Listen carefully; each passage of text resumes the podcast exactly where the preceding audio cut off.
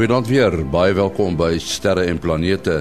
Ons het uh, ons span Dr. Japie van Sail, Professor Mati Hofman en vir die koorts by ons ook vir Kobus Olkers met ruimte weer.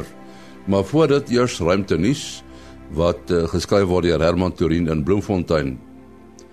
Dit is vanjaar die 50ste herdenking van die eerste bemande ruimtereise na die maan. Oor die jare moes wetenskaplikes met sorg vele argumente oor hoekom die bemande reise na die maan nie werklik sou plaasvind het nie weer lê. Maar wat dan van Apollo 12 se reis waar tydens die besoekers op die maanoppervlak onderdele van 'n vroeëre tuig wat op die maan geland het na die aarde teruggebring het? Apollo 12 het op 19 November 1969, dis 50 jaar gelede, op die maan geland binne loopafstand van waar Surveyor 3 2 en 'n half jaar tevore geland het.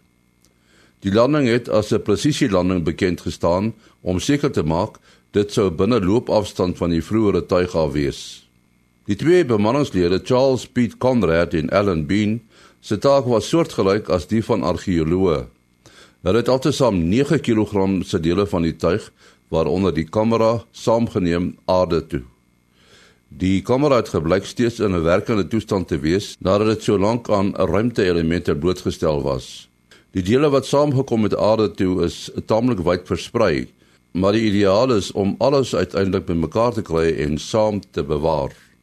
Wetenskaplikes kon vir die eerste keer met volkomme sekerheid bepaal dat Jupiter se maan Europa water bevat en so 'n kandidaat geword het om moontlik lewe te kan onderhou.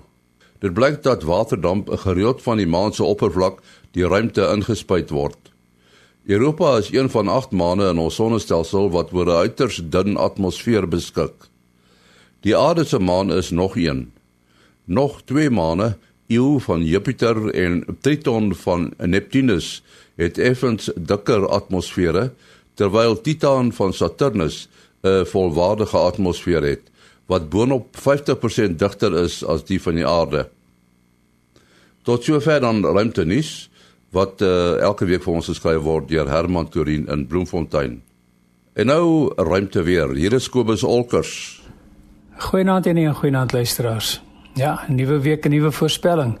Hier sit ons nou en ons dit lyk asof die son baie stil gaan wees hierdie week en ehm um, dit lyk asof omstandighede daar so effens 'n kans ek sou sê so 25% kans dat 'n groot koronagat gaan oopmaak maar ons gaan net nou daaroor gesels so wat uh, magnetiese aktiwiteit aan betref is die son hierdie week uh, baie baie stil.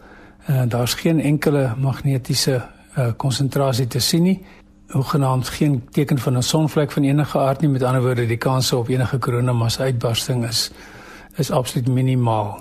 En dan natuurlik nou wat uh, koronagate aanbetref, ek sien op die oomblik is daar eene wat reeds geo-effektief is, maar hy's nog nie aktief aan die aan die aan die blaas van die sonwind nie, maar ek ek kan sien op die magnetogram dat sy uh veld sy die die die veld van die korona, die magnetveld van die korona begin onstabiel raak en daar is 'n kansie dat so 25% kans dat hy kan oopgaan. En as hy sou oopgaan dan gaan ons uh, langafstand radio gebruikers redelik daarvan weet. Uh, maar die res van ons gaan geen geen probleme hê nie. En dan wat ehm um, filamente aanbetref, is dit ook maar stil. Ehm um, wanneer as hierdie koronagat nou sou oopgaan in die volgende paar dae, dan gaan ons natuurlik 'n kans hê vir filamente ook. Ehm um, maar soos ek sê, dit is maar 'n 25% kans. Nou ja, dis die storie vir hierdie week. Goeienaand almal. Baie dankie Kobus Olkers wat gereeld oor 'n ruimte weer gesels. Ja, die program se naam is Sterre en Planete. By die uh, mikrofoon, die Skype mikrofoon het ons vir uh, Dr. Japie van Sail daar van Hydroset. Hy is in uh, Kalifornië in Amerika en ons het ook vir Willie Koorts van die SAAO in die Kaap en dan professor Mati Hofman van die digitale planetarium, die Boordensterrewag in die Universiteit van die Vrystaat. Dis nou interessant, uh, Japie, daar was nou nuus dat die uh, Amerikaners nou satelliete opstuur om die seevlak te meet. Maar ek het gedink dit dit, dit word al lankal gedoen. Ja, en nie wat die die uh, satelliete wat hulle nou van gepraat het in die berig wat jy van uh, wat jy noem is eintlik 'n voortsetting van metings wat alreeds uh, sedert 1992 uh genoeg gedoen word. Die oorspronklike satelliet was uh Topex Poseidon en uh hierdie is nou 'n voortsetting van daardie metings wat toe begin is. En hoe langer 'n mens natuurlik hierdie metings neem, hoe meer verstaan ons nou hoe deur die ehm um, die oseane se se water heen en weer verskuif word deur winde en so voort. En ehm um, dit is nou waarom hierdie ehm um, metings gaan voortgesit word. En dan dit natuurlik die groot vraag is hoe vinnig word die ehm uh, seevlak hoër uh, as wat dit op die oomblik is.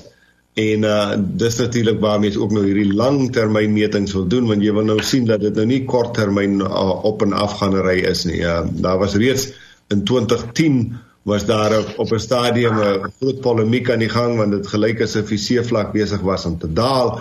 En dit was as gevolg van die feit dat dit uh, ongelooflik baie gereën het op daai stadium. Australië, Afrika, Noord-Amerika en so aan almal het 'n redelike uh vloede gehad en uh, mense kon sien na die water weer van die vastelande af teruggegaan het in die oseane en die die vlak weer gestyg.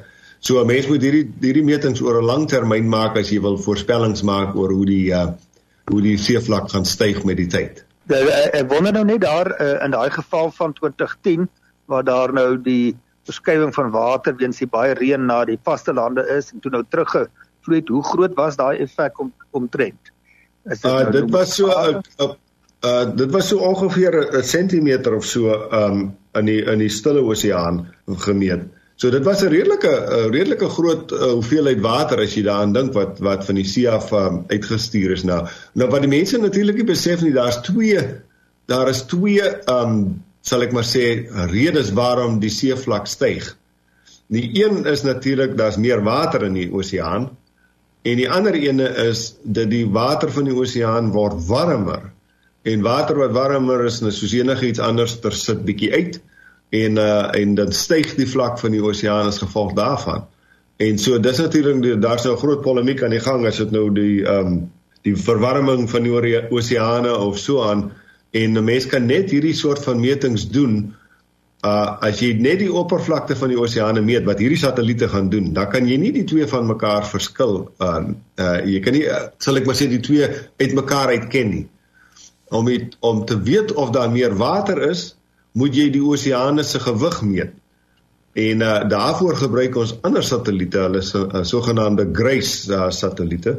Uh staan die GRACE beteken Gravity and Climate Experiment. Dis twee satelliete wat uh so ongeveer 200 km uitmekaar uit vlieg en dan meet ons nou die afstand tussen hierdie satelliete tot ongeveer 1 1 mikron. So uh, 100ste wat is dit? Uh, mense hare is ongeveer 100 mikrons as ek reg onthou. So mense kan nou dink hoe, hoe akkuraat meet ons nou die afstand tussen die twee satelliete en die hele idee is as dat as hulle by die voorste ene verby 'n deel van die aarde vlieg waar daar meer massa is, dan versnel hy so bietjie. So dan raak die afstand tussen die twee bietjie groter en uh, wanneer die agterste ene dan daarby kom dan haal hy nou weer die voorste ene in. So as jy nou hierdie afstand tussen hierdie twee goed baie vers, uh, uh, noukeurig meet, dan kan jy die swaartekragveld van die aarde uh, bepaal. En daarvolgens kan ons dan die gewig van die oseane bepaal. So jy het basies die GRACE satelliete en hierdie satelliete wat uh, radar altimeters gebruik, gebruik wat jy nodig om dan die twee dinge uitmekaar uit te kan ken. En dit beteken ja dat da, ons kan nou op hierdie stadium sê dat die uh, oseane trek so ongeveer die die seevlak styg so ongeveer 2.4 mm per jaar. So wat se akkuraatheid kan hierdie satelliete dan meet? Dit is net ongelooflik, né? Ek en ek en ek neem aan goed soos die getye wat deur die maan veroorsaak en die son veroorsaak word. Dis eintlik nou maar alles net geraas wat nou afgetrek word. So hulle werk die die die algemene uh, uh, seevlak uit. Ja, mense eh, dit is baie interessant. Ek by wys baie keer hier in my klas by Caltech vir die vir die studente. Mense besef natuurlik nie dat die ehm um, uh, mense se instink sê vir jou wateroppervlakte is plat. Maar die oseane is nie plat nie. Die oseaan, die oppervlakte van die see, daar's plekke waar hy 60 meter laer is as uh, as ander plekke. Nou jy sien nou dink, maar hoekom is dit nou so? Hoekom vloei die water nie in die gate maak om vol nie? want dit is uh, as gevolg van die swaartekrag van die aarde nê die die water volg wat ons noem 'n uh, 'n uh, uh, equi uh, gravitational field so dit is die uh ewe sterkte van die gravitasie van die aarde. Ja, ja. En ja. uh ons ons trek soos Willie gesê het, ons trek daardie sogenaamde statiese topografie van die van die uh uh, uh oseane trek ons af en dan meet ons net die dinamiese topografie van die met hierdie satelliete en jou en die vraag uh, die antwoord op jou vraag is uh wil jy hulle meet hulle tot ongeveer oorspronklik was dit ongeveer 4 cm ek dink hulle bepaal nou met hierdie nuweste met die uh, nuwe tegnologieë hoop hulle dit om dit tot millimeters te kan uh, meet. Sure Ja. Die uh, Japie as 'n mens nou sê 'n uh, verandering meet, jy het nou alles in ag geneem en jy uh, sê nou die gemiddelde seevlak het nou uh, ek dink dit nou 'n uh, getal van ongeveer 2 mm per jaar genoem sal dit noodwendig eweredig oor al die oseane ver, versprei word of kan daar redes wees hoekom uh, dit sê nou maar in die Atlantiese Oseaan bietjie anders as die Stille Oseaan kan kan wees. Mense gevoel sê ja, water is vloeibaar, so dit kan nie eintlik uh dit moet oral dieselfde wees, maar is daar dalk redes hoekom dit nie is? Uh dis 'n baie goeie vraag, um Mati, om die waarheid te sê, dit is nie. Um as jy mooi daaroor dink as as ons aanneem op die oomblik dat 'n uh, redelike gedeelte van die uh stygings van die um oseane is as gevolg van ys wat smelt. Uh daar's baie meer ys in die noordelike halfrond as wat daar in die suidelike halfrond is. Uh so die noordelike uh deel van die stille oseaan styg 'n bietjie vinniger as die suidelike oos deel van die oseaan en um en met die tyd sal dit natuurlik nou weer um, um uitkanselleer. Maar as jy nou op op 'n kort termyn kyk, dan sal jy sien dat die uh, noordelike deel van die van die oseaan styg 'n bietjie vinniger. Um maar die 2.4 cm is uh 2.4 mm uh, amper amper maak ek nou mense hier heel, heeltemal bekommerd dat hulle huise onder die water skraap. Um die um die 2.4 mm is 'n gemiddelde oor die oor die hele aarde. Ja, nou net om 'n uh, uh, vir mense 'n bietjie gevoel te gee. Ek gebruik nou altyd die skaalmodel van as mens nou die aarde as 'n uh, bal met 'n deursnee van 1 meter voorstel, uh dan is 10 km ongeveer 1 mm. Ehm so dis nou tot daar waar die groot vliegtye uh vlieg. Met as jy nou oor die oseane vlieg, dan vlieg jy so op 10 11 km. En uh jy het nou nou van 60 meter gepraat waar die oseaan nou sê op een plek 'n bietjie bietjie laer is as op 'n ander plek. So 60 meter as jy dit nou sou op daai skaal uitwerk, dan is dit soos 'n uh, 'n dun laagie verf omtrent op die skaal van 'n uh, bal wat 1 meter groot is.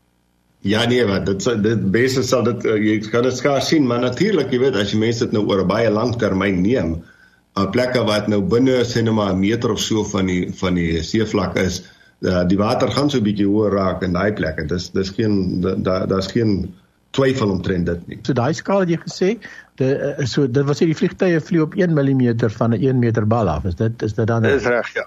Dis reg, ja. ja.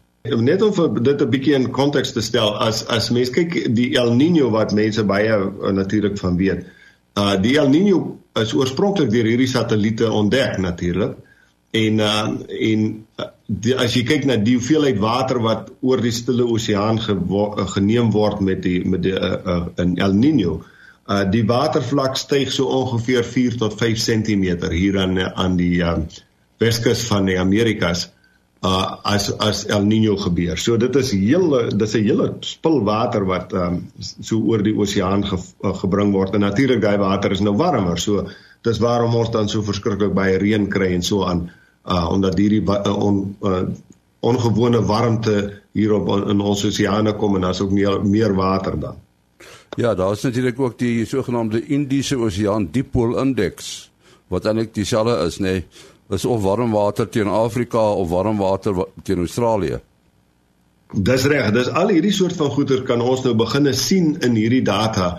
Ehm um, kyk daar's die sogenaamde Pacific Decadal Oscillation ook wat uh, wat in die in die Stille Oseaan gebruik ge, gebeur want dit van noord na suid verskuif word. Uh en as jy nou dink as 'n ding oor 'n dekade gebeur, om dit nou kan ordentlik waarneem, moet jy dan nou so 'n paar siklusse kan sien. So dan moet jy so 20, 30 jaar ten minste die goeters neem. So hierdie twee satelliete wat hulle nou van gepraat het in die brug wat jy vroeër genoem het, hulle gaan nou die metings dan tot so ongeveer 40 jaar voortset. So dan kan ons nou begin hierdie langer uh, oscillasies begin om mense dan nou in die data waarneem. Ja, die uh, nou ja, ja, het nog 'n ding om oor te wonder. Ek weet nie hoe relevant dit is vir die klimaat en so aan nie, maar uh, uit die oogpunt van die aarde as hierdie ongelooflike komplekse stelsel uh, uh nou verwys na die temperatuurveranderinge. Uh as jy nou diep genoeg afgaan in die see, tot watter mate is die temperatuur op 'n in 'n op 'n bepaalde omgewing uh konstant of varieer dit ook maar taamlik analoog aan dit wat op die oppervlak met die satelliete waargeneem word? Nee jong, dis 'n baie goeie vraag wat jy nou daar gedoen met Mati. Uh dis dis eintlik skrikwekkend om te win, weet hoe min weet ons van van die uh aarde as jy kyk na die oseane dit hulle self. Ons ons studeer basies die oppervlakte bestudeer is uh, baie redelik goed met ons satelliete nou. Maar ons weet bitter min wat onder aangaan. Daar's nou baie navorsing wat mense nou begin doen om uh kleinerige uh, uh duikbootjies en so aan te kan ma maak wat lank onder kan bly en hierdie metings kan doen. Maar die die daai vraag is is baie oop op hierdie stadium. Ons weet nog steeds nie wat ehm um, wat eintlik hoe werk die oseane diep onder en hoe die sirkulasies daar plaasvind nie. Dis maar alles teorieë op hierdie stadium. Daar's eintlik ja, bitter ja. min metings daarvan. Ja, ja, ja. Ek ek dink nou skielik daaraan as die ehm um, as die oseane styg, dan het jy massa wat bietjie verder van die middelpunt af beweeg. So dit wil sê die aarde gaan stadiger begin draai of stadiger vinniger stadiger begin draai as ek dit want hy is mos nou wel besig om stadiger te draai. Maar ek ek neem aan die die massa jy het nou gepraat van die massa. Is dit regtig 'n massa verskywing of is dit net omdat die water minder dig raak, uh gaan die massa nie vreeslik verskuif nie? Uh die twee is so ongeveer 30% van dit is ongeveer as gevolg van um laat ek so sê, dis wat ons op die oomblik dink. 30% van dit is ongeveer as gevolg van uh, massaverskywing en en uh, so 70% is as gevolg van verwarming. Maar dit is natuurlik baie uh, daar's baie uh, sal ek maar sê geraas op 'n uh, geruis op hierdie soort van metings op die stadium. Uh, ons ons gewoonlik sê maar is so 50-50. En so daar is 'n verskywing wat besig is om plaas te vind. Daar's geen daar's geen twyfel omtrent dit nie, maar ons weet net nie presies watter watter grootte dit ja. is nie. As dit meer bekend is, kan mense natuurlik maar net na die aarde se rotasie kyk wat natuurlik baie goed waargeneem word. So ja, ja. interessant. Ja. Nou die uh, Japie as as 'n mens nou drie soorte metings kan bymekaar sit en jy gee dit nou vir die slim ouens met die rekenaars, dit is nou die gravitasie metings wat vir jou kan sê hoeveel die hoeveelheid water, die gewig van die water wat daar nou in 'n bepaalde oseaan is, het toegeneem of afgeneem. En die ander meting sê vir jou wat het met die oppervlaktemperatuur gebeur.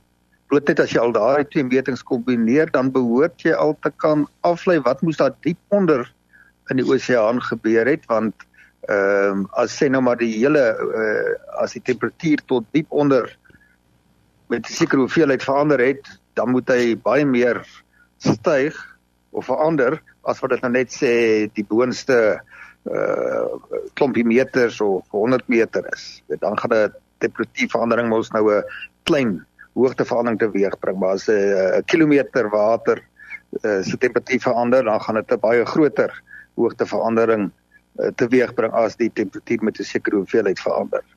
Uh, dis doodreg. Dit is waar dit is hoe ons op die oomblik dink ons verstaan hoe die oseane werk. Dit dit is as gevolg van die teorie wat jy wat jy nou net gesê het. Ons bereken daar's drie dinge wat ons gebruik. Dis presies wat jy sê. Ons gebruik die die uh, temperatuur van die oseaan, ons gebruik die hoogte van die oseaan en ons gebruik die massa wat ons met um, met Grace meet.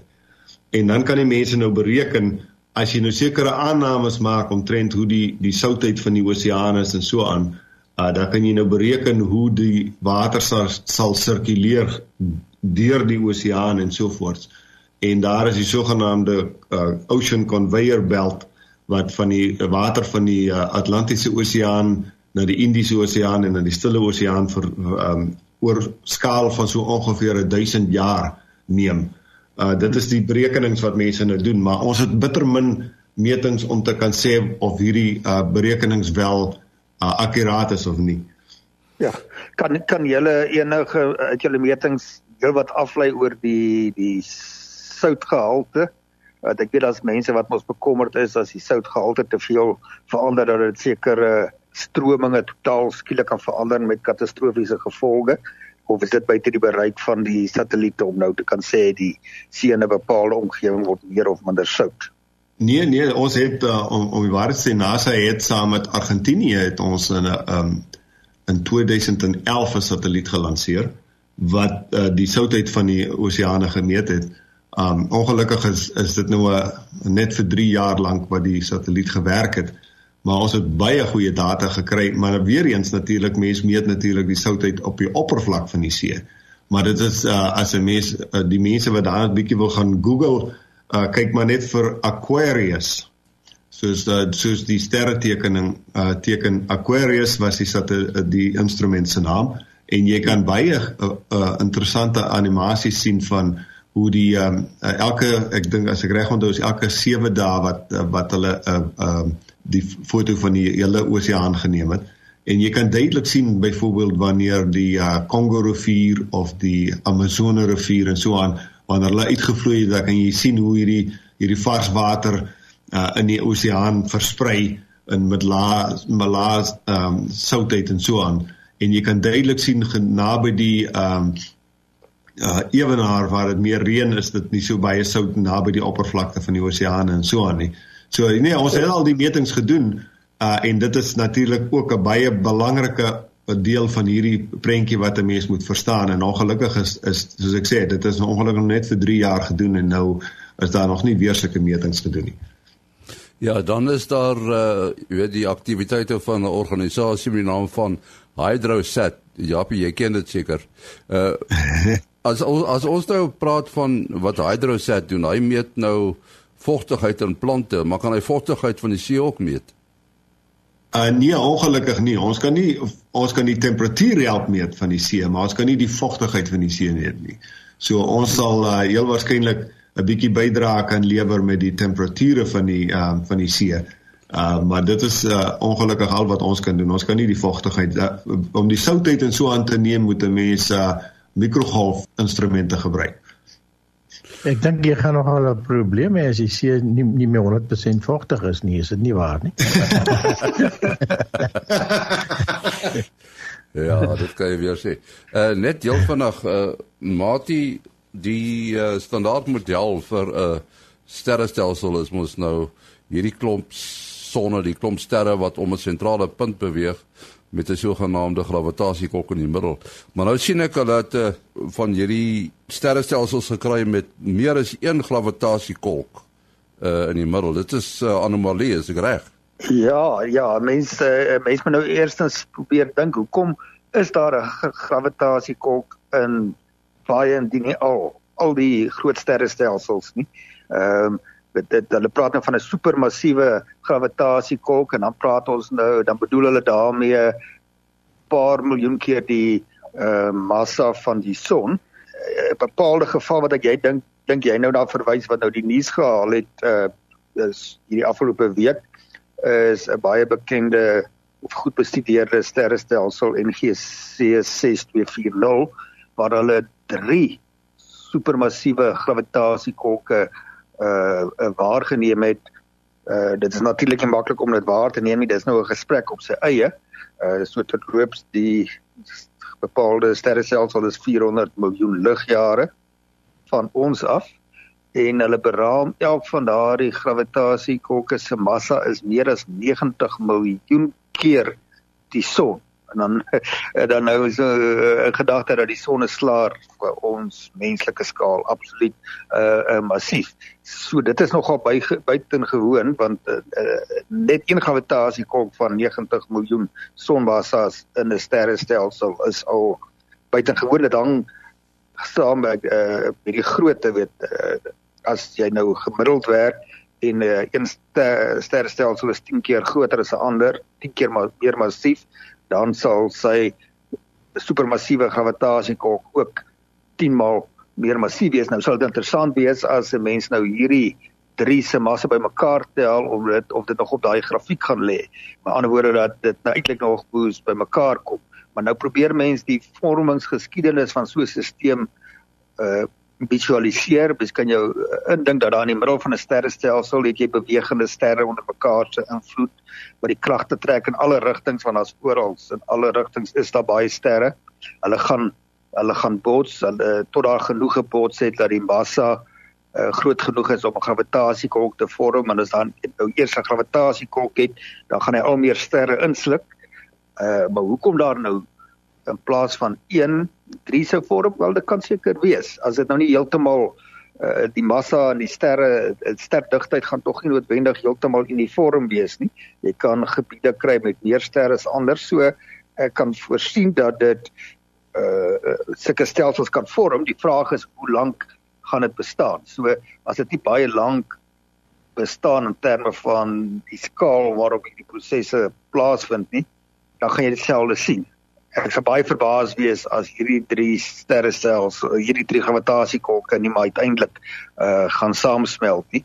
Ehm uh, ek het nog nie al daardie data gesien nie. Ek, ek dink dit sal fascinerende metings wees uh wat seker oor 'n lang tyd gedoen sou moet word om te kyk wat is die relatiewe beweging tussen hierdie stelsels, maar die manier hoe hulle waargeneem word en dit was net met die uh die sogenaamde VLT uh, die 38 uh, meter of is dit 48 meter teleskope daar in, Chile uh wat saamwerk dan met 'n uh, en in infrarooi kan kyk tot in die middel van hierdie sterrestelsels en dan nou het uh, die Doppler verskywing die beweging van die sterre sien waar hulle kan aflei daar as sterre is wat onsigbare voorwerpe beweeg. So ek het nou nie die detail gesien van hoe hulle die metings gedoen het nie, maar uh byvoorbeeld die die die waarnemings van die gravitasiekolk in ons die middel van ons eie sterrestelsel uh het hulle uh, gedoen deur te kyk hoe die sterre beweeg. Nou wel, hierso gaan dit nou baie moeiliker wees want die sterrestelsel is eintlik te ver om individuele sterre te kan